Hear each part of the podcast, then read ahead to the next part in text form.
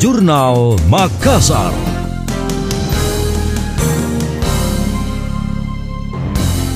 Sejumlah organisasi perangkat daerah sejauh ini belum menindaklanjuti hasil temuan Badan Pemeriksa Keuangan BPK. Wali Kota Makassar Dani Pomanto mengaku bakal memberikan ruang aparat penegak hukum untuk melakukan pemeriksaan.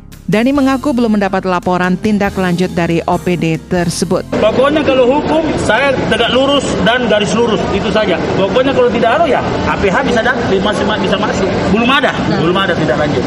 Oh iya berarti kan berarti APH bisa turun. Rame-rame lagi nih otomatis dia terserah ke undang-undang mengatakan lewat 60 hari selesai.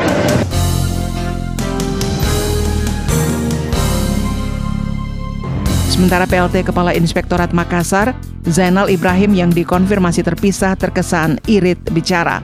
Dia hanya mengembalikan persoalan itu ke OPD yang bersangkutan.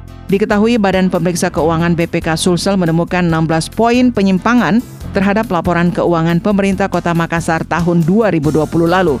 Dampaknya predikat opini wajar tanpa pengecualian WTP gagal diraih. Pemkot setempat hanya berhasil mendapatkan opini wajar dengan pengecualian WDP.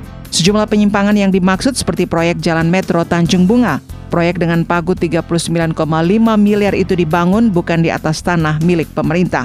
Selain itu pembayaran gaji dan tunjangan PNS yang tidak sesuai dengan ketentuan, kemudian pengadaan fasilitas pemerintah dan lainnya.